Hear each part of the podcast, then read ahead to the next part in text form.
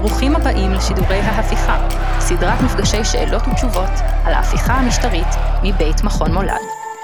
אנחנו אה, מארחים הערב אה, כאן ב space של מכון מולד את פרופסור אסף שרון, אה, שהוא פרופסור בחוג לפילוסופיה, והוא ראש תוכנית פק"ם באוניברסיטת תל אביב, אמ, וגם עמית בכיר במכון מולד.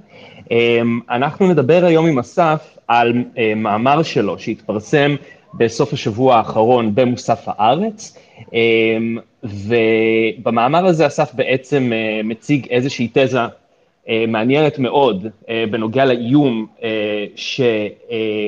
שמדינת ישראל ניצבת מולו כרגע, אמ, ואני חושב שזה באמת אחד הטקסטים הבהירים והחדים שפורסמו מתחילת המאבק בהפיכה המשטרית, שהקריאה בו עוזרת אה, לחדד את תפיסת המציאות שלנו ואת אה, אה, מפת האיומים שאנחנו צריכים להתמודד איתה בשבועות הקרובים, בחודשים הקרובים, אבל גם בשנים שעוד יבואו. זהו, אז אסף, אני רוצה להפנות את השאלה הראשונה אליך. בחודשים האחרונים אנחנו שומעים שוב ושוב, בטח מי שהולך להפגנות, אמ, אבל גם אה, בערוצי החדשות, אנחנו שומעים שוב ושוב את האזהרות מפני הפיכתה של ישראל לדיקטטורה. הטענה המרכזית שלך במאמר היא שישראל אומנם ניצבת בפני סכנה חמורה, אבל שהסכנה הזו היא לא בדיוק הפיכה לדיקטטורה. אה, לפי התפיסה שלך, את סוג המשטר שמנהיגים כמו נתניהו, אורבן וארדואן מנסים לכונן, מדויק יותר לכנות בשם דמוקרטיה חלולה. אז בואו דבר ראשון נבין ביחד מה זה דמוקרטיה חלולה, מה ההבדל בינה לבין דיקטטורה, ולמה בכלל חשוב שנבדיל בין שני המושגים האלה. טוב, אז תודה רבה על האירוח קודם כל. אמ, חשוב להבחין בין המושגים האלה, כי קודם כל חשוב להבין את העולם שאנחנו חיים בו ואת האתגרים והאיומים שיש עלינו, ולהבין אותם נכון זה גם הצעד הראשון בלהתמודד איתם ולהתנגד להם. אז הבעיה עם ה... בהפגנות אומרים דיקטטורה, וזה בסדר כסיסמה מגייסת, הבעיה היא שכשאומרים דיקטטורה, הדמיון ש... שיש לנו בראש, הדמיון הפוליטי שלנו בכלל, התעצב במאה ה-20 מול משטרים טוטליטריים, וכשאומרים דיקטטורה אנחנו מדמיינים איזה, איזה שליט כל יכול, שיש לו משטרה חשאית ויש לו אה, צבא שעושה מה שהוא רוצה ועוצרים אנשים ברחוב ושולחים דיסידנטים לגולאג וסוגרים עיתונים בכוח הזרוע וכל מיני, עושים משפטי ראווה, כן, כל מיני דברים מהסוג הזה. אה, דמוקרטיה חלולה, להבדיל, אה, כמו שאנחנו רואים היום בהרבה מדינות, לא מכוננת את עצמה באמצעות ברוטליות. זאת אומרת, השימוש בכוח עירום הוא שולי, לפעמים אה, אפילו אה, ממש זניח. אם מנסים להבין את אופן השליטה הזה, אז רואים שבמקום להשתמש בכוח חשוף, כן, באלימות, הוא עושה הרבה יותר שימוש בכלים מוסדיים ובשליטה על דעת הקהל. הסיבה שנכון בעיניי לכנות את זה דמוקרטיה חלולה, היא משום שהמכניזם הוא בעצם נועד לקחת את המוסדות הדמוקרטיים, לא לפרק אותם, כמו הדיקטטורות של פעם, לא לפרק את בתי המשפט, לא אה, לפרק את הפרלמנט, הכל נשאר, אבל הפונקציה הדמוקרטית, זאת אומרת, התפקוד של המוסדות האלה כמוסדות שבעצם נועדו להבטיח שהשלטון משרת את כלל האזרחים, שהוא לא משתמש בכוחו לרעה, לפחות לא עושה את זה יותר מדי, כל הפונקציות האלה בעצם מסורסות. ויש כל מיני דרכים איך לסרס ולרוקן מתוכן את המוסדות האלה. אז מאפיין ראשון ש, שחשוב לומר, זה, והמרכזי, זה שדמוקרטיה חלולה להבדיל מדיקטטורה לא מתכוננת באמצעות ברוטליות. זה דבר ראשון. דבר שני, היא גם לא אה, מציגה את עצמה כאנטי דמוקרטית. זאת אומרת, הדמוקרטיה החלולה מקדמת את עצמה, מדברת בשם הדמוקרטיה, ואם נקשיב לכל המנהיגים ש, שמזוהים עם התופעות הללו, הם כולם מדברים בשם הדמוקרטיה, פשוט הדמוקרטיה האמיתית, הנכונה, הטהורה יותר, המושלמת יותר, זאת שבאמת מייצגת את העם, להבדיל מהדמוקרטיה הליברלית. ודבר אחרון, אה, הם גם אה, בסופו של דבר אה, משתמשים בכלים שהחוק עצמו והמוסדות הדמוקרטיים בעצמם מעמידים לרשותם כדי לקדם את הדמוקרטיה החלולה. במילים אחרות, לא נראה טנקים ברחובות שמקיפים את הפרלמנט ומשתלטים עליו בכוח ודברים מהסוג הזה. אנחנו נראה בדיוק את סוג הדברים שראינו בהונגריה ובפולין וב... ועכשיו גם בישראל, אה, שזה שימוש במכניזמים בחוק, באופני חקיקה, בשינויים אה, לפעמים אדמיניסטרטיביים, בהשתלטות על מינויים, בהגבלת סמכויות, כל מיני דברים מהסוג הזה שהכלים, מה שלפעמים מכנים כללי המשחק, מאפשרים לעשות כדי לרוקן את המוסדות האלה מכוח, מה, מה, מהפונקציה הדמוקרטית שלהם. אוקיי, okay, אמ, אז עכשיו שאנחנו מבינים אה, אה, מה באופן כללי ובסיסי אומר המושג הזה, אה, נראה לי שהשאלה הראשונה היא, למה בכלל לטרוח? למה בעצם אנחנו רואים פחות ופחות, לפחות במערב, דיקטטורות מהסוג שהכרנו אה, מהמאה ה-20, אלה שלמדנו עליהן בשיעורי האזרחות וההיסטוריה, אה, ויותר דמוקרטיות חלולות, שהן הרי לוקחות יותר זמן לכונן אותן, וזה תהליך הדרגתי ועדין, ויש בו נסיגות, ולמה בעצם צריך את כל הכאב ראש הזה? צריך את הכאב ראש הזה כאשר האופציה הכוחנית לא בדיוק עומדת לרשותך, או שהמחיר שלה יקר מדי. ואחד התוצרים של המאה ה-20 זה שבחלק מהמדינות זה קרה אחרי טרגדיה, בחלק מהמדינות עוד לפני כן, אבל התרבות הפוליטית שלנו השתנתה ולמדנו שכוח עירום, כוח חשוף, שדיכוי ברוטלי של אזרחים, אה, זה, זה רעיון לא טוב. וזה דבר שקשה מאוד קודם כל לגייס לו תמיכה, ודבר שני, לתחזק אותו. במילים אחרות, אם ינסו לעשות דברים כאלה, ברוב המדינות שעברו איזושהי כברת דרך בכיוון הדמוקרטי, צפויה להיות התנגדות אזרחית והתנגדות מוסדית מאוד מאוד אה, חזקה. אה, ולכן זו אופציה שקשה מאוד לראות איך אפשר להוציא אותה לפועל במדינות שהן כבר באיזשהו הקשר דמוקרטי. תוסיף לזה שחלק מהמדינות שאנחנו מדברים עליהן גם ערוגות בכל מיני מחויבויות, כמו הם חלק מהאיחוד האירופי למשל, כן? אורבן מאוד נהנה מהעובדה שהאיחוד האירופי בעצם אה, במידה רבה מממן את כל המהלכים שהוא עושה. אז שורת המגבלות האלה בעצם הופכות את האופציה הזאת לפחות טובה, מה גם שזאת אופציה שצריך לתחזק אותה כל הזמן.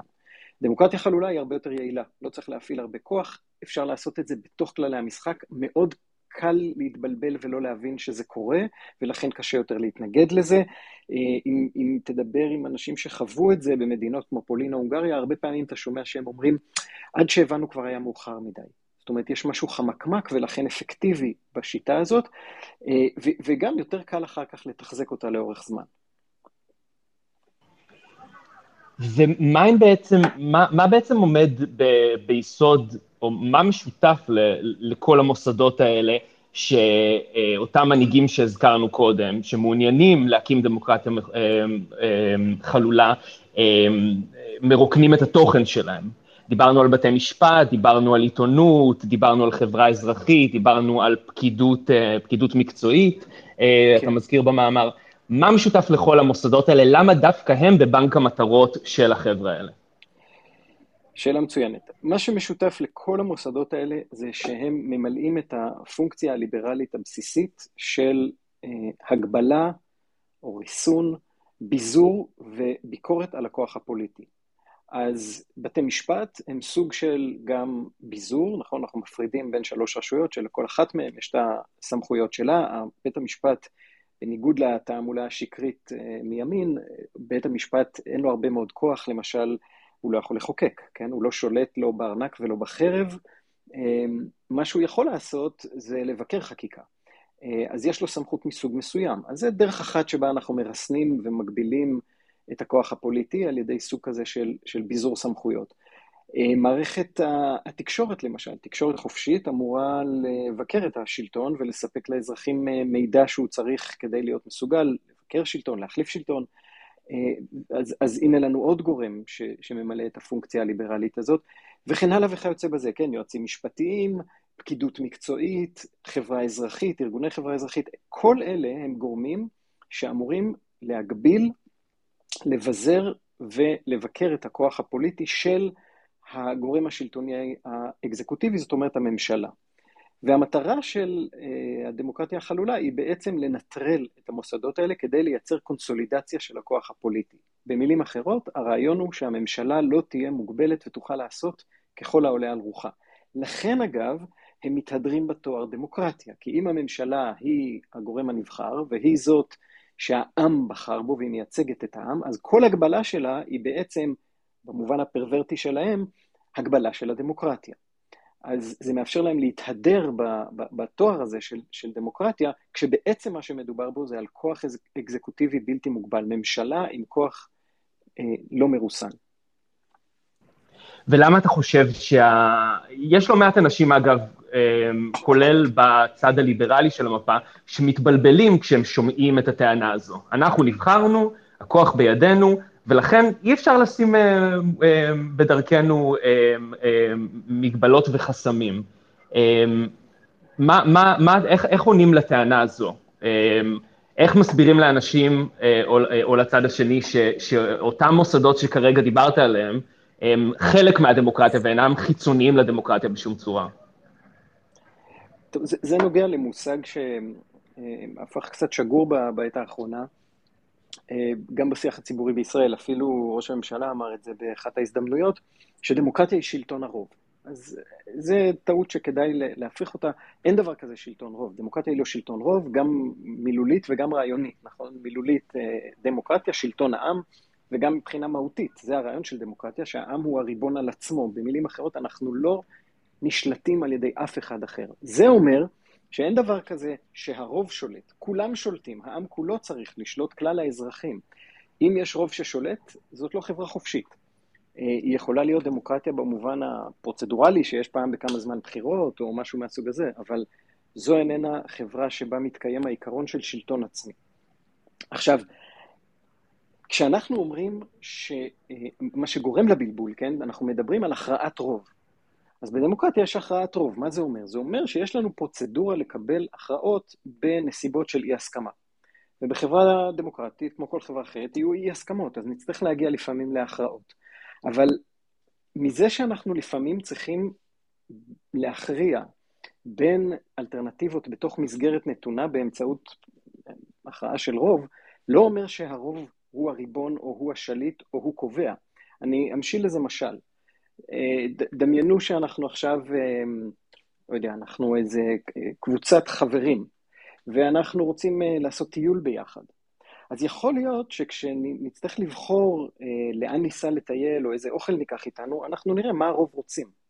אבל זה, כל זה כפוף לעובדה שכולנו הסכמנו, כולנו, עד, עד אחד, הסכמנו לפרויקט המשותף הזה. והפרויקט המשותף הזה הוא פרויקט של לנסוע לטיול ביחד. אם יהיה רוב שיחליט שרק יונתן צריך לסחוב לכולם את התיקים, או שהוא צריך להישאר באוטו כל הטיול, או שאנחנו יכולים להרביץ לו סתם כי בא לנו, אז כמובן שזה לא יהיה לגיטימי כהכרעת רוב, נכון? כי זה לא חלק מהמסגרת שמכוננת את הפרויקט המשותף הזה.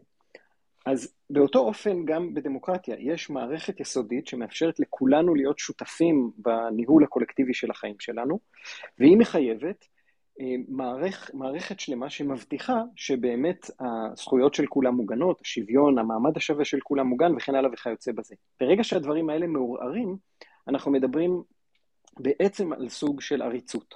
זו יכולה להיות עריצות של אדם אחד, זה יכול להיות עריצות של אוליגרכיה וזה יכול להיות עריצות של קבוצת רוב. ואתה בעצם אומר אה, גם במאמר ש, ש, שמה שנוצר באותן דמוקרטיות חלולות אה, זו לא עריצות, אה, זו לא עריצות רוב, אלא עריצות השלטון. אתה יכול לחדד את הנקודה הזו? כן, כי הרבה פעמים לא, לא בהכרח מדובר על רוב. מדובר, בדרך כלל צריך לכבוש סוג של רוב פרלמנטרי, רוב פרלמנטרי מזדמן. אנחנו יודעים שהשיטה הפרלמנטרית הייצוגית לא מבטיחה בהכרח שיש רוב בעם ש, שמשקף או משתקף בייצוג הפרלמנטרי. סתם, תיקח אפילו את הדוגמה הישראלית, היא מאוד, מאוד קלה, כי בדוגמה בישראל, לפי סקרי דעת קהל שנעשו, אין רוב שתומך ברפורמה המשפטית המוצעת. אז מה? אז זה לא אומר שהרוב קבע, הרוב החליט או הרוב שולט, זה אומר שיש איזושהי נציגות מקרית, לפעמים קוניונקטורלית לגמרי, שבנויה על אינטרסים של הנציגות של כמה קבוצות בפרלמנט. אז זה עניין אחד. והעניין השני הוא כשחושבים על עריצות הרוב, חושבים על זה שיש איזה רוב שחוגג על חשבון המיעוט המדוכא.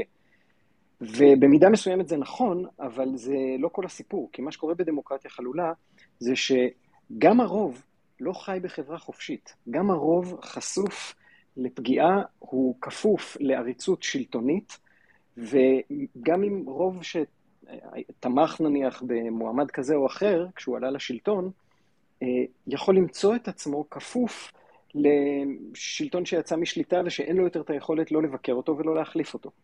לכן זה, עריצות הרוב פה מחמיצה חלק מהעניין.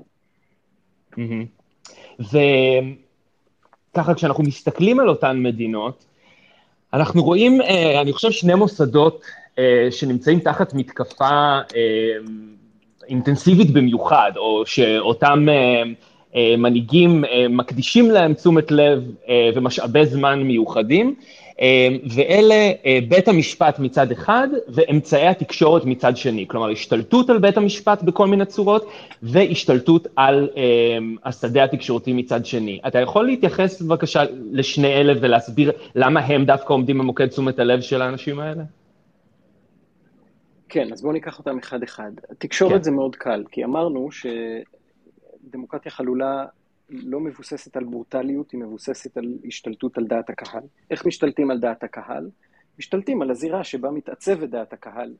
במידה רבה, בכל uh, מדינות uh, מודרניות, זה התקשורת. Uh, אנחנו יותר, לא, לא יושבים בכיכר העיר ומחליפים דעות יותר מדי, אנחנו עושים את זה במרחב הציבורי שנמצא במסגרות של אמצעי התקשורת. עכשיו, הדרך להשתלט על אמצעי התקשורת בדמוקרטיה חלולה גם היא בדרך כלל לרוב לא ברוטלית, כן? אה, אורבן אה, הוא דוגמה ממש יפה לקונסולידציה של התקשורת ההונגרית.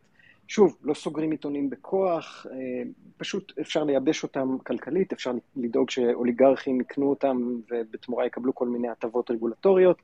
אנחנו מכירים גם דברים כאלה מ- מישראל. אז יש לנו דרך מאוד אפקטיבית לשמר מראית עין של תקשורת חופשית, שבעצם נוטרלה מבפנים, והופכת להיות שופר של השלטון בלי שהשלטון מחזיק באיזה שוט או חרב מעל הראש שלה. אה, ואז אנחנו יכולים לייצר סיטואציה של, שוב, מראית עין של שיח דמוקרטי, פתוח, חופשי, אבל בעצם הציבור אה, שטוף במסרים מטעם השלטון, או שתואמים את, אה, את רצונו של השלטון, ובעולם כזה נורא נורא קשה לאזרחים אה, מן השורה שיש להם אלף ואחד דברים אחרים לחשוב עליהם ולהיות מוטרדים מהם, נורא קשה להם אה, אה, לפרוץ את הבועה הזאת, בועת האינפורמציה שהם מוקפים בה. ואנחנו רואים את זה, אנחנו רואים את זה בישראל, אנחנו רואים את זה בארצות הברית עם אנשים שצורכים חדשות מפוקס ניוז, יש, יש להם תמונת עולם שהיא שונה לחלוטין ממי שצופה ב-CNN למשל. אה, אז, אז זה לגבי תקשורת, זה מאוד חשוב אה, לשמור את האזרחים בתוך אה, בועת האינפורמציה הזאת. עכשיו, בית המשפט, בית המשפט הוא אחד הגורמים העיקריים בריסון הכוח האקזקוטיבי, הכוח של הממשלה. והוא עושה את זה בכל מדינה באופנים קצת אחרים. כשיש חוקה זה יותר פשוט, כן, יש לנו איזה עקרונות שמבטיחים שהשלטון לא ישתמש לרעה בכוח שלו ולא יחרוג מהמסגרת, כללי המסגרת שקבענו.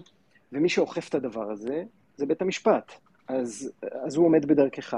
לפעמים, כשזה מגיע לדברים כמו שינוי שיטת הבחירות, או אזורי בחירה, או דברים מהסוג הזה, להקשות על האופוזיציה בעצם להתמודד בבחירות, שזה אחת המטרות של דמוקרטיה חלולה, אז בית המשפט הוא, ה, הוא המוסד העיקרי שיעמוד בדרכה של הממשלה. אמ, ההשתלטות על הקופה הציבורית, כן? הניצול לרעה של כספי ציבור. שוב, אחד הגורמים היחידים שיכולים לעמוד בפרץ זה בית המשפט. ולכן המתקפה על בתי המשפט, תשים לב, זה לא על כל בתי המשפט, לא מעניין אותם בית משפט לתעבורה או בית משפט השלום. מה שמעניין אותם זה בית המשפט העליון או בית משפט חוקתי, אותם, אותו גורם בבית המשפט שהפונקציה העיקרית שלו היא בדיוק לבקר את הכוח של הממשלה. אוקיי. אז השתלטנו על בית המשפט, והשתלטנו על התקשורת, שוב, לא כי שלחנו לשם פלוגה של חיילים, אלא שינינו רגולציה, חיברנו אוליגרכים לקנייה של כלי תקשורת, ככה לאט לאט רוקנו את הדמוקרטיה אה, מתוכן מוסד אחר מוסד, וכאן אנחנו מגיעים למושג מפתח נוסף בתזה שלך, שהוא מדינת מפלגה, שזה, אה, אם אני מבין נכון, היעד המודל שאליו מנסים להגיע כל אותם אנשים שמכוננים דמוקרטיה חלולה. או מנסים לעשות את זה כל אחד במדינתו הוא. מה זה בעצם מדינת מפלגה? למה מנסים להגיע לשם? אז המושג מדינת מפלגה לקוח, שוב, מהמציאות פוליטית אחרת, מציאות פוליטית טוטליטרית, שבה בעצם יש זהות או חפיפה בין המפלגה או חזית או קואליציה של מפלגות, זאת אומרת צד אחד במפה הפוליטית, לבין המדינה עצמה. אם ניקח את סין עד היום, כן, או את רוסיה הסובייטית בזמנה, או קובה, או מדינות מהסוג הזה, אנחנו יכולים לראות בדיוק על מה מדובר, נכון? יש, ברוב המקרים יש בעצם מפלגה אחת, שהיא המפלגה הלגיטימית היחידה, והמפלגה היא המדינה והמדינה היא המפלגה. הצבא הוא הצבא של המפלגה, בתי המשפט הם בתי המשפט של המפלגה, זאת אומרת, יש חפיפה פורמלית בין המדינה או זרועותיה של המדינה לבין המפלגה. עכשיו, בדמוקרטיה חלולה, שוב, בדרכה החמקמקה, מתקיימת סוג של מדינת מפלגה בפועל, גם אם לא, גם אם לא דה יורה, כן? זאת אומרת, לא מבטלים את המפלגות האחרות, לא צריך שתהיה רק מפלגה אחת, אבל יש... להפך, משאירים אותן, משאירים אותן בחיים בדיוק בשביל ליצור את מצג השווא הזה, נכון? נכון, אבל בפועל, כן. בפועל קורים שני דברים. אחד, בעצם יש גורם פוליטי אחד, שוב, זה יכול להיות מפלגה או קואליציה של מפלגות, שהוא היחיד שיש לו מסלול דה פקטו אפקטיבי אל הכוח, רק הוא בעצם יכול להיות בשלטון. זה מרכיב אחד של מדינת מפלגה, ומרכיב שני, כאשר הוא בשלטון, בעצם כל זרועות המדינה, במקום לתפקד לרווחת האזרחים, מה שאנחנו לפעמים קוראים בישראל ממלכתיות, או פקידות מקצועית, כל הדברים האלה, במקום זה, כל זרועות המדינה הופכות להיות זרועות של המפלגה. זה אומר שהן מוכפפות לסדר היום, לתפיסת העולם וליעדים הפוליטיים של אותו צד במפה הפוליטית. אז תחשוב על כן, גורם צבאי או משטרתי, שבעצם כפוף, משרת אינטרסים פוליטיים של גורם כזה או אחר, או, או בתי משפט שמתפקדים באופן הזה. לשם חותרים המנהיגים ש, של הדמוקרטיה החלולה, כי אם אנחנו שואלים את עצמנו, מה זה נותן להם, ההחלשה הזאת של המוסדות? הפירוק של כל המוסדות שמרסנים את הכוח של הממשלה, מה שזה נותן להם זה בעצם החפיפה הזאת בין המדינה לבין תפיסת העולם וסדר היום הפוליטי של אותו מחנה. ולשם זה מכוון. עכשיו, אפשר לשאול למה צריך את זה, כן? למה זה חשוב? בשביל מה צריך uh, לייצר את, ה, את הסימביוזה הזאת בין המפלגה או המחנה הפוליטי לבין המדינה? Um, אז אם אתה שואל, זאת שאלה מצוינת. אני שואל. יופי. כי אני, אני מעלה את זה כי, כי זה משהו שלא נכנסתי אליו במאמר, אבל נראה לי ש, שחשוב להגיד על זה איזה מילה. זאת אומרת, mm-hmm. יש, כאילו קרה משהו נורא מעניין. זיהינו בישראל, זיהינו שיש פה משהו, שיש פה מתקפה ליסודות של הדמוקרטיה או הדמוקרטיה הליברלית שלנו. אני מציע להבין את זה במסגרת הזאת של דמוקרטיה חלולה, אבל עדיין נשארת שאלה ש, ש, שלא פתחנו אותה, וזה למה הם עושים את זה? מה הם רוצים? ו, ו, וחשוב בעיניי לומר שהם לא רק רוצים כוח, זה לא רק תאוות שלטון או שררה. Mm-hmm. אז, אז אם מסתכלים על uh, כל המקומות שבהם יש דמוקרטיות חלולות, בעצם יש uh, שלושה סוגים של מוטיבציות שבדרך כלל מתלכדים מאחורי הדמוקרטיה החלולה. האחד כבר אמרנו, כן? תאוות שלטון, תאוות שררה. אני חושב שאורבן הוא דוגמה מאוד טובה לדבר הזה. כל מי שמכיר אותו, מתארים אותו כסוג של אופורטוניסט, שבשלב מסוים זיהה שזאת הדרך, כן? פעם הוא היה ליברל ואנטי קומוניסט, ובאיזשהו שלב פלירטט גם רעיונות ליברטריאנים כאלה, ובאיזשהו שלב הוא הבין שהמסלול אל השלטון עובר משם, דרך רעיונות יותר שמרניים ולאומנים. אז, אז יש את הדבר הזה, כן? זה אמצעי לבצר את הכוח ולהישאר בשלטון. יש את אלה שמה שמניע אותם זה תאוות בצע. זה אלה שרואים בפירוק של כל המוסדות המקבילים, המרסנים, המבקרים, בעצם את, את הדרך להשתלט, לשדוד את הקופה הציבורית. וזה יכול להיות סקטורים או מפלגות, וזה יכול להיות מקורבים. כמעט כל מי בני משפחתו ומקורביו של אורבן התעשרו מאוד מאז שהוא עלה לשלטון, ואותו דבר נכון כמעט בכל מדינה אחרת. אגב, אז מתחילים סיפורים כאלה של שחיתות, ואז צריך להשתיק את התקשורת, ואנחנו רואים איך הגלגל הזה מזין את עצמו. אז על כל פנים, mm-hmm. אלה, שתי, אלה שתי מוטיבציות, ויש עוד אחת, והיא מאוד חשובה, וזאת המוטיבציה האידיאולוגית. Mm-hmm. המוטיבציה האידיאולוגית היא, היא, היא לא פחות ואולי יותר חשובה משתי הקודמות. ו- ואני חושב שאנחנו לא מדברים עליה מספיק בשיח הציבורי. למה הם עושים את זה מבחינה אידיאולוגית? בישראל מאוד קל לזהות שהגורם שהכי דוחף, שגם הגה ויזם ו- ומאוד מחויב לרפורמה המשפטית, זה לא ממש מרכז הליכוד, אה, זה הרבה יותר מזה הימין הדתי או, או הציונות הדתית. זה גם לא החרדים. נכון, לחרדים יש אינטרס מאוד ספציפי, הם רוצים דברים, הם רוצים לפתור את בעיית הגיוס, הם רוצים שלא יכפו עליהם לימודי ליבה והם רוצים את התקציבים. כן. אבל, אבל הם לא עסוקים בלשנות את מבנה המשטר בישראל. ואפילו כשהם מקשיבים להם, הם, הם די אמביוולנטים לגבי הסיפור הזה. אבל יש גורם אחד שהוא גורם אה, חשוב, ו, ו, והוא אומר את זה בריש גלי, הוא מצהיר על עמדותיו, ואני חושב שאנחנו צריכים להקשיב. אז, אז מה הם אומרים, כן? Mm-hmm. ופה פה אני אה, רוצה לומר ש, שהמסגרת הזאת של לחשוב דרכה של דמוקרטיה חלולה עוזרת לנו, אני חושב, אה, להשתחרר ממשהו אה, שהוא די פופולרי עכשיו, וזה הדיבור על פופוליזם.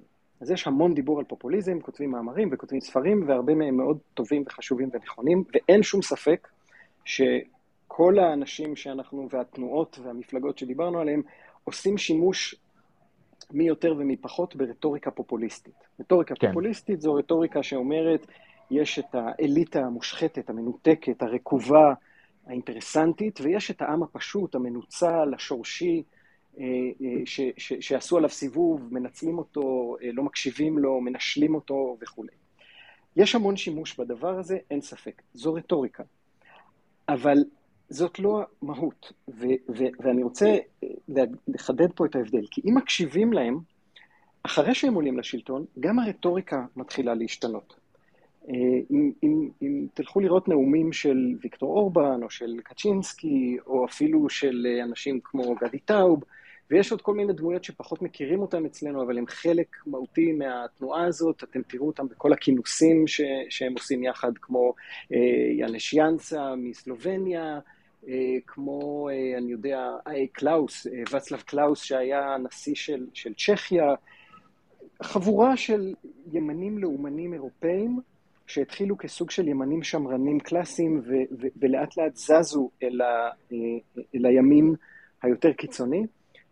הם מדברים בעיקר על ניגוד לא אה, בין אליטה להמון בהכרח, אלא הרבה יותר מרכזי אצלם, זה הניגוד בין גלובליסטים ופרוגרסיביים לבין ה, אה, הלאום והדת, המסורת. זה ניגוד הרבה יותר מרכזי אצלם. אה, חבל שאי אפשר פה להראות וידאו, אבל אני ממליץ לכם, יש, היה לא, לפני שבועיים בערך, היה את הכינוס השנתי של סיפק, שזה אחד הארגונים השמרנים המרכזיים באמריקה, והם עשו את הוועידה השנתית שלהם בבודפשט, ונאם שם ויקטור אורבן, ובין היתר אירחו שם לפאנל על ישראל את גדי טאוב ואת אחד החברים מ"אם תרצו", וגדי טאוב בדברי הפתיחה שלו אתם יכולים לשמוע בדיוק את הגרסה הישראלית לסיפור הזה. כן, יש אמ, קשר ליברלי, פרוגרסיבי, גלובליסטי, שבעצם אה, במהותו הוא אנטי-דמוקרטי. למה? משום שהוא כופה על העמים השונים להתפרק מהלאומיות שלהם, להתפרק מהזהות הפרטיקולרית שלהם. ו, ו, ו, ובשם זה החברים, החברים האלה נלחמים. עכשיו, זה אומר שאם אנחנו שואלים את עצמנו, מה בדיוק האיום על מדינת הלאום, כן? זה, זה האיום המרכזי. האיום המרכזי שהוא מלחמת, מלחמת תרבות, שמגיע מסוג של אליטה גלובליסטית כזאת, מכוון לפרק את הלאומיות ואת מדינת הלאום. ולפרק את הלאומיות ואת מדינת הלאום, זה אומר זה בא לידי ביטוי בכך שמנסים לנשל אותנו מהמסורת שלנו, מהתרבות שלנו. תחת המילה הזאת תרבות נכנס הרבה מאוד. Mm-hmm. נכנסים, נכנסת תפיסת עולם שלמה. שבסופו של דבר מובילה לדת פוליטית. המבחן המרכזי, המטרה המרכזית היא לתפוס מחדש, כן, לכבוש מחדש את הזירה הציבורית. והרעיון אומר את הדבר הבא, המהות שלנו, הטבע שלנו, האופי הלאומי שלנו, מוכרח לעצב את המרחב הציבורי, הוא מוכרח לעצב את המוסדות, הוא מוכרח לקבל ביטוי בספירה הציבורית. להבדיל מכפייה דתית למשל. אתה זוכר, היה במדינת ישראל הרבה שנים התעסקו עם שאלות של כפייה דתית, מלחמות השבת, חוק החזיר, חוק החמץ, כל הדברים האלה. פה כן. יש איום מסוג אחר. לא מנסים להגביל, להגיד לאנשים מה הם יאכלו, ויהיו בשוליים גם הדברים האלה, אבל הליבה היא אחרת. הליבה, ו, ו, ואם תקשיבו לאנשים האלה, הם אומרים כל הזמן, אנחנו לא רוצים לכפות על אף אחד מה הוא יעשה בבית שלו. ויש בזה אמת מסוימת, כי מה שבעיקר חשוב להם זה האתוס הציבורי, העיצוב של המוסדות הציבוריים ושל המרחב הציבורי.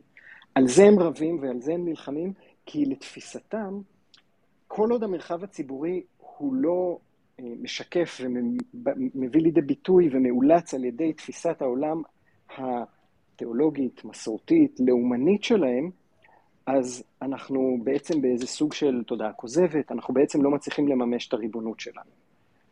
זו נראית לי נקודת העומק בתוך הסיפור הזה. ובשביל זה, בשביל זה צריך לנטרל את כל המוסדות שלא מאפשרים לממש את הדבר הזה.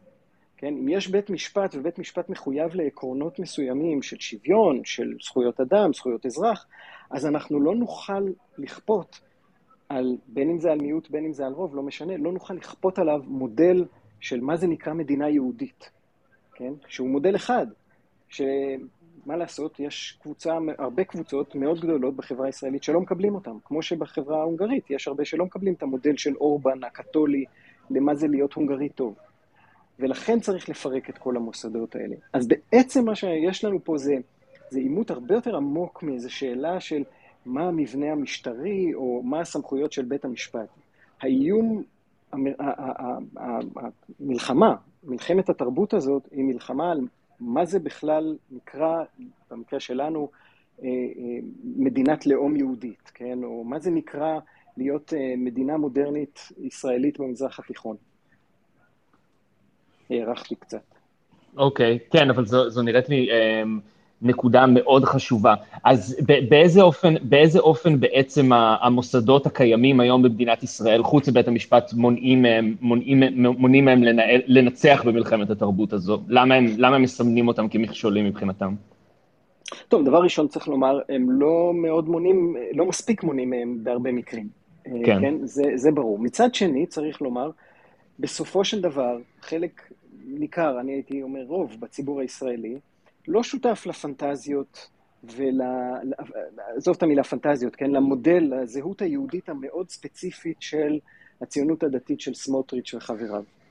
אמ, וכשהם פותחים טלוויזיה, וזה לא משנה אם זה ערוץ 11, 12 או 13, מה שהם רואים שם זה לא המדינה היהודית שהם היו רוצים לראות. כן. אמ, כל הדבר הזה, זה באיזשהו מובן, הבלופרינט היה כבר אצל הרב קוק, האבא, כן? כי מדינת ישראל שקמה כמדינה חילונית, מודרנית וכולי, זה היה אמור להיות שלב מעבר זמני. באיזשהו שלב כל הדבר הזה היה אמור לעבור טרנספורמציה עמוקה, רוחנית, אה, תרבותית, מבפנים, ולהפוך להיות ממלכת כהנים וגוי קדוש. והדבר הזה לא קרה, הוא לא קרה בימיו של הרב קוק האבא, לא בימיו של הרב קוק הבן, ותודה לאל גם לא עד היום.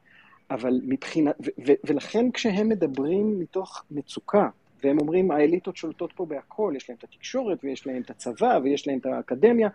יש בזה אמת, כי כשהם מסתכלים על מדינת ישראל כמו שהיא, על כל בעיותיה וחסרונותיה מבחינתנו, הם רואים משהו שהוא מאוד רחוק מהחזון שלהם. ואם היה שלב שבו הם חשבו שהדרך לשם תהיה באמצעות מה שהם קראו התנחלות בלבבות, הדבר הזה נגמר. אולי אני אגיד על זה מילה, כי Mm-hmm. מזכירים הרבה את ההתנתקות בהקשר של ההפיכה המשטרית. כן, ו... כולל מי רובין אתמול בזמן אמת, מי שצפה בתחקיר על קהלת. שוב עלתה ההתנתקות. צפיתי, אני לא צפיתי עדיין, אבל מה שראיתי שלרוב מזכירים את זה כמין אה, מין קטליזטור, כן? זה בעצם מין נקמה על ההתנתקות, כן? כן. בית המשפט, השמאל עשה להם את ההתנתקות, למרות שזה היה ליכוד, לא משנה. בית המשפט לא הגן עליהם, אז עכשיו אנחנו נתנקם בו. אני חושב שיש קשר עמוק להתנתקות, אבל זה לא קשר של, של פעולת אה, נקם, זה קשר mm-hmm. של לקח. יש לקח. אוקיי, okay, תסביר. הלקח, הם למדו לקח מההתנתקות, והלקח הזה הוא שההתנחלות בלבבות לא עובדת. המתנחלים ותומכיהם היו בטוחים, היו משוכנעים ב-2005 שמדינת ישראל תצטרף אליהם ותזעק את זעקתם. יותר מזה, הם חשבו שהמדינה תיעצר, שהכבישים ייחסמו, שהרכבות לא ייסעו, הם, הם ציפו לזה והם התאכזבו מאוד לגלות שזה לא מעניין אף אחד. שיש קבוצה מאוד מאוד קטנה, שולית, קשה בכלל לזהות אותה מחוץ לציונות הדתית והמתנחלים עצמם, ש, ש, שטרחו אה, למחות, שלא לומר להתנגד לדבר הזה.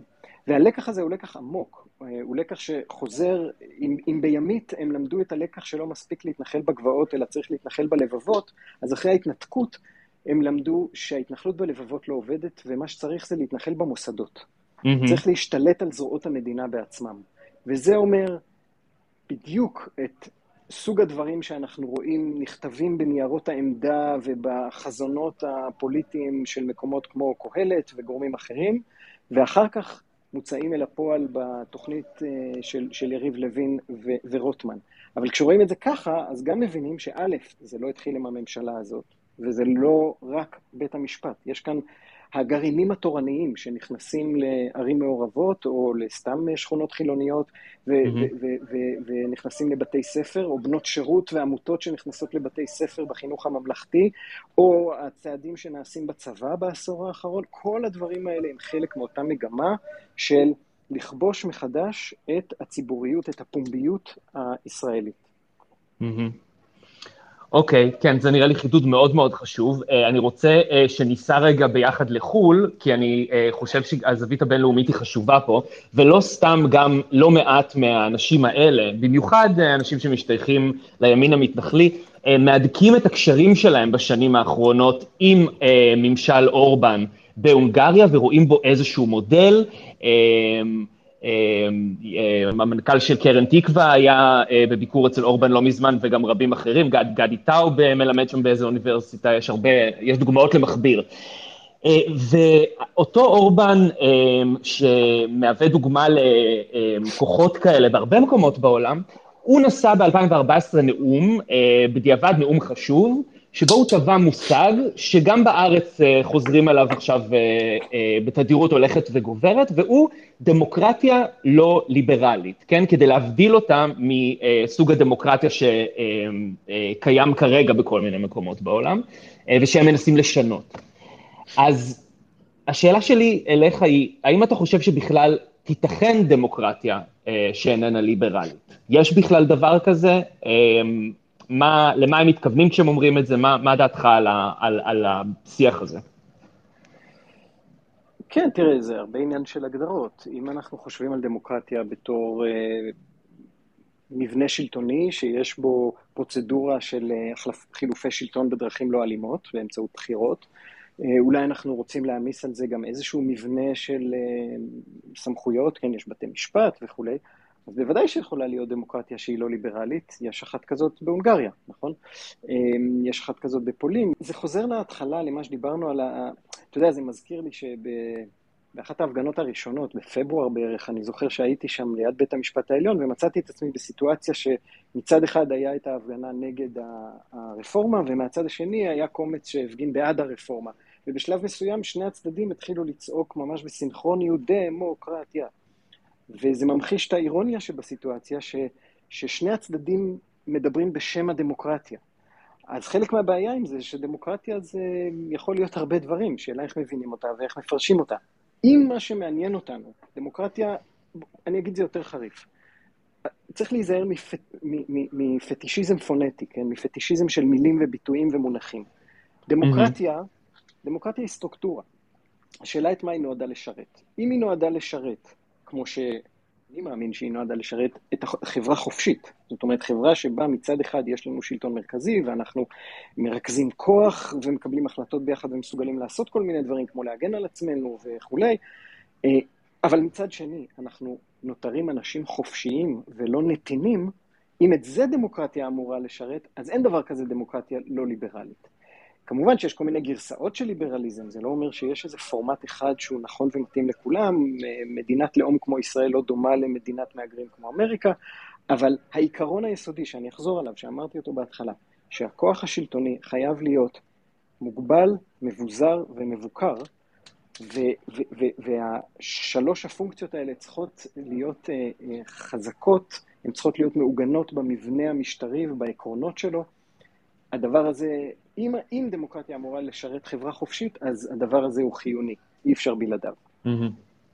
אבל גם הפרוצדורה הדמוקרטית הכביכול מינימלית, בהגדרה הכי הכי מינימלית דקה של, של דמוקרטיה, של חילופי שלטון, אמ, האם אתה מסכים עם, עם הטענה שאפילו היא נפגעת קשות אה, במדינות כמו הונגריה, מכיוון שברגע שאתה פוגע אה, בתקשורת, ברגע שאתה פוגע ביכולת של אזרחים להתארגן, למידע מהימן להגיע לאזרחים, אתה בהכרח פוגע גם ביכולת להחליף שלטון. לחלוטין, אני מסכים איתך לגמרי, אני חושב שזה חלק מהמטרה, אני גם כתבתי על זה במאמר, שדמוקרטיה, דמוקרטיה חלולה תמיד באה עם שורה של צעדים שנועדו להבטיח את ההתבצרות בשלטון. מסיבה מאוד פשוטה, כי ברגע שפירקת את כל המנגנונים שמרסנים את הכוח, אז ה stakes הפוליטיים עולים מאוד. כשה stakes עולים מאוד, אז הסיכון שהשלטון יעבור ידיים הוא סיכון עצום. בדמוקרטיה חלולה, כן? אני, כן, אני רק מדגיש כי אתה אה, נעלמת לנו לרגע. סליחה. כן, בדמוקרטיה חלולה, כיוון שאין את הריסון על הכוח, אז הסכנה שהשלטון יעבור לצד השני היא סכנה גדולה מאוד. הרי חלק, mm-hmm. חלק מה שטוב, אנחנו מדברים על דמוקרטיה, מלמדים אותנו בשיעורי אזרחות, כל מיני דברים מאוד כאלה, כן, נאצלים, כמו שלטון עצמי וריבונות עצמית וזה, אבל יש גם מובן מאוד צנוע של דמוקרטיה, וזה פשוט העובדה ש, ש, ש, שיש מכניזם שמאפשר לנו להתחרות על הכוח ולהחליף מדי פעם את השלטון בלי אלימות. כן. הבעיה היא שזה מחייב ואז, אתה יודע, כשיש בחירות והצד השני מנצח, אז הצד שהפסיד מקבל עליו את, ה, את הדין ומתארגן לבחירות הבאות, כן? Mm-hmm. ככה זה לפחות אמור לעבוד. עכשיו, כן. זה עובד טוב כשמה כש, שמוטל על הכף הוא, הוא, הוא, הוא לא דרמטי, כן? זה לא חיים ומוות. ברגע שה stakes עולים מאוד, אז כל המכניזם הזה נסדק, בגלל שלמי שמפסיד לא בטוח שהוא יכול להרשות לעצמו לקבל את ההפסד, כי המחיר יכול להיות קטסטרופלי, ומי שמנצח לא יכול להרשות לעצמו להפסיד בסיבוב הבא, אז הוא צריך להתבצר בשלטון. אז גם אפילו המובן הצנוע הזה של דמוקרטיה אה, אה, נשחק, המינימלי הזה, אני מסכים איתך, אני רק מזכיר, הפורמט, המבנה, הסטרוקטורה של בחירות יכולה להמשיך להתקיים. כמובן שהיא מרוקנת מכל משמעות ברגע שאין תחרות אפקטיבית על הכוח. ופה אולי צריך להגיד עוד משהו שלא הזכרנו, וזה כן. שאחד כן. ה, האינסטרומנטים המרכזיים שמשתמשים בהם כדי לכונן דמוקרטיה חלולה, הוא דה-לגיטימציה. כן. דה-לגיטימציה לצד השני, שזה יכול להיות לאופוזיציה, וזה יכול להיות לאמצעי תקשורת לא נוחים. תראה איזה כלי נפלא זה, כן? לא צריך לסגור את העיתון ולא צריך לבטל את האופוזיציה. פשוט יוצרים מצב שבו ה... הם, הם, הם, הם לא רלוונטיים, כן? האופוזיציה היא כל כך toxic, כן? רעילה, שאתה לא רוצה, אף אחד לא רוצה לגעת בה. ויש לה, לדה-לגיטימציה יש, יש לה מאפיין מאוד, מאוד יעיל לעניין הזה, וזה שדה-לגיטימציה, כשעושים אותה, דה-לגיטימציה היא בעצם אקט של בריונות. ובריונות, כמו שכל מי שפעם מתבונן בילדים בגן יודע, שכשמגיע איזה ילד חדש ובריון ומתחיל אה, להרביץ מכות לאחד הילדים, כל האחרים פשוט נדבקים לקיר ואומרים רק שהוא לא יפתח עליי עין. וזה כן. עובד אותו דבר בפוליטיקה. אז כשמגיע בריון ומתחיל לתקוף, והוא תמיד ימצא איזה חוליה חלשה שנוח לתקוף אותה, כן? זה יכול להיות עיתון הארץ, זה יכול להיות שוברים שתיקה, זה יכול להיות מפלגה ערבית, ועושה לה דה-לגיטימציה והופך אותה לאויב העם, כן, לגור, לבוגד, לגורם לא לגיטימי, לגורם רעיל, מה שיקרה דבר ראשון זה שכל יתר השחקנים, גם באופוזיציה, ב, ב, ב, בחוסר מחשבה לפעמים, אבל בעצם הצטרפו לזה. בישראל ראינו לזה דוגמה נהדרת עם התגובה של פחות או יותר כל גורמי האופוזיציה למתקפה שהייתה על הקרן החדשה לישראל, על שוברים שתיקה, על כל מיני גורמים מהסוג הזה, או המפלגות הערביות. Mm-hmm. אז דה-לגיטימציה זה מכניזם נפלא כדי אה, לסרס את האופוזיציה, ועוד יותר מזה, להשתמש בעצמה כדי לסרס אותה. אז אתה מתחיל מהשוליים, ולאט לאט אתה בשיטת הסלאמי, הדה-לגיטימציה, כן, עוברת יותר ויותר למרכז, וכל פעם במין הפרד ומשול כזה, אף אחד בעצם לא יכול להתגונן. אז הנה לנו עוד, עוד מכניזם שאפשר להשתמש בו, והוא מאוד אפקטיבי, ושוב, הוא לא ברוטלי. אז אה, ואני רוצה כאן להקריא משפט מתוך, מתוך המאמר שלך, שבו אתה אומר, אמ, אף אחד לא הופך לדמוקרטיה חלולה אם הוא חושב שיש סיכוי ממשי שבקרוב יאבד את השלטון, כן?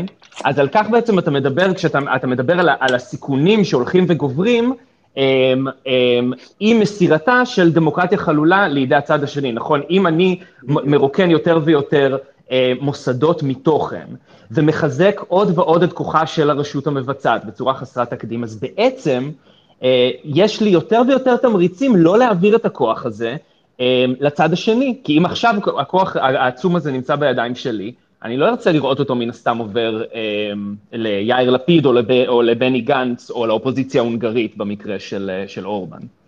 נכון, בדיוק ככה. המחיר, הסיכון הוא גבוה מאוד. ולכן ואז אתה... מתחילים בעצם מהלכים של התבצרות. שאיזה, מאיזה נכון. סוג, מאיזה סוג של מהלכים אפשר לראות שהם כן, מיועדים. ל, ל, ל, לעשות זה? הם מאוד קלים, כן, אז אמרנו, דבר אחד מאוד פשוט, זה רגע שהשתלטת על אה, ערוצי תקשורת מרכזיים, זה דרך אחת להבטיח אה, תמיכה ציבורית ו...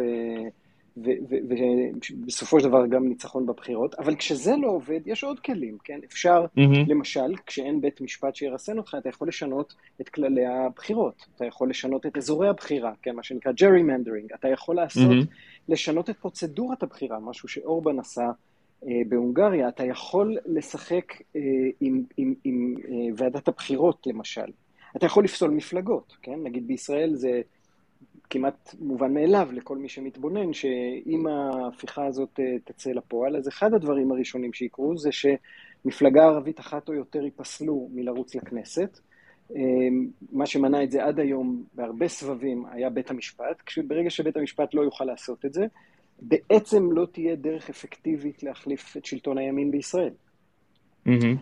אגב, מה שעד היום הושג באופן אה, קצת פחות אה, אה, אפקטיבי באמצעות הדה-לגיטימציה, כן? ברגע שהאופוזיציה שיתפה פעולה עם הפסילה של המפלגות הערביות כשותפות, היא בעצם סינדלה את עצמה. תחשוב איזה הזוי זה שאופוזיציה בעצם ויתרה מראש על 20% מהאלקטורט, כן? דבר מטורף, אבל זה נעשה בזכות באמת דה-לגיטימציה. עכשיו, באמצעות ביטול הרסנים והמגבלות הפורמליים, המוסדיים, יהיה אפשר לעשות את זה בלי, בדרך יותר ישירה. פשוט נפסול את המפלגות האלה, ואין שום mm-hmm. סיכוי שמפלגות אופוזיציה, גם אם הם יחברו יחד, יוכלו להחליף את השלטון. אנחנו רואים דברים, בשנה שעברה זה קרה בהונגריה, אנחנו רואים עכשיו מה שקורה בטורקיה, זאת אומרת, יש הרבה דרכים לשחק את המשחק הזה. Mm-hmm.